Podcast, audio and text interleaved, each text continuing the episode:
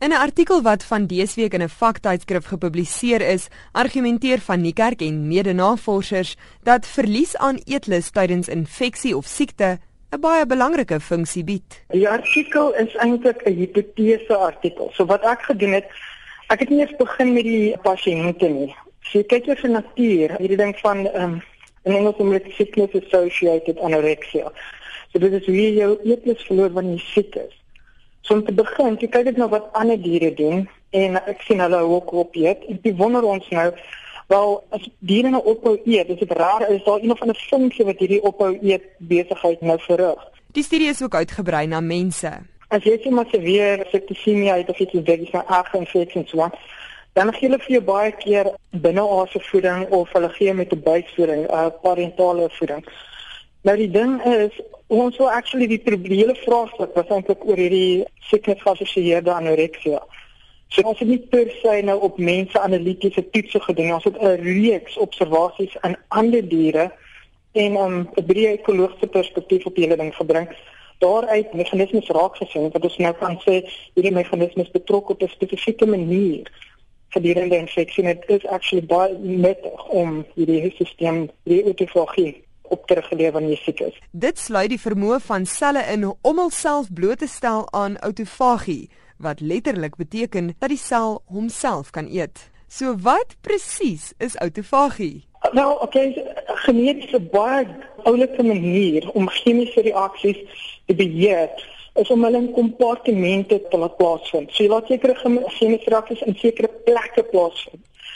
Autofagie is basies dieselfde. Dit gaan oor om 'n membraan te skep rondom 'n ding wat jy wil afbreek. So jy kan nou vir jouself dink jy kan nie net laat goeders rondom bond afbreek en met baie baie mooi hierdie proses beheer. So autofagie gaan oor die tekening van iets wat jy wil afbreek en dan die formasie van 'n klein membraan rondom daai ding wat jy wil afbreek.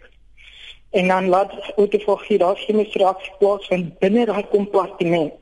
So dit is amper soos 'n sel se maag kan jy op 'n manier sê en dit breek af en steur. Van Niekerk en mede-outeurs argumenteer dat 'n tydelike vastende periode tydens infeksie die sel van noodsaaklike voedingsstowwe ontneem en daardeur die sel stimuleer om te herwin. Met ander woorde, autofagie.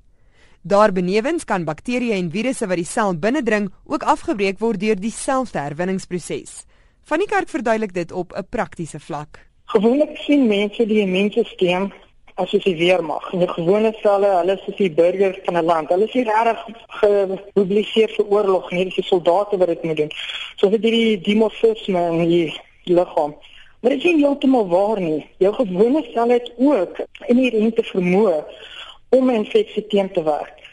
So dit is waar autofagie inkom. Wanneer jy nou 'n infeksie kry, dan is daai autofagiese masjinerie manier van die selle om iewers skielik uh, ek kan sê soos gorilla vagters op te tree. Hulle kan dan hierdie patogene wat hulle probeer infekteer teenveg. Nie so effektief soos die immuunstelsel nie, maar goed genoeg dat dit tyd koop vir die immuunstelsel om gemobiliseer te raak. En daarom verloor mense met infeksies soms hulle eetlus. Met die denkwyse probeer Van Niekerk nog navorsing aanspoor. Hy sê 'n dringende herëvaluering is nodig van voedingsondersteuning in die konteks van beheerde ondervoeding wat autofagie kan aanhelp. Definitief ja, nee, dit is maar die groot ding. Ek het nou sommer op baie van hierdie groot kliniese proewe.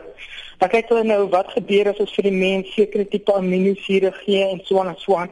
En dit is verskriklik wisselvallige resultate. Daar is nie op die oomblik 'n goeie manier om mense voeding wat is dit voeding te gee en dit is in groot joernale soos New England Journal of Medicine en so aan. So dit is 'n big deal. Hierdie tese wat ons nou het is 'n manier om te verduidelik hoekom is die resultate so wisselvallig. Wat gaan in op die tipe trauma wat die pasiënt het. As hy infeksie het, is dit miskien verskriklik belangrik dat ons hom nie seker immuniseer goed moet gee nie, maar eintlik dan as jy met 'n Engels permissive underfeeding. So dat dit miskien 'n baie baie belangrike rol het in 'n kliniese konteks. Van die kerk benadruk ook dat daar wel 'n aantal omstandighede is waar voedingsaanvullings 'n terapeutiese voordeel mag inhou. Ek is Henry Wondergem vir SABC nuus.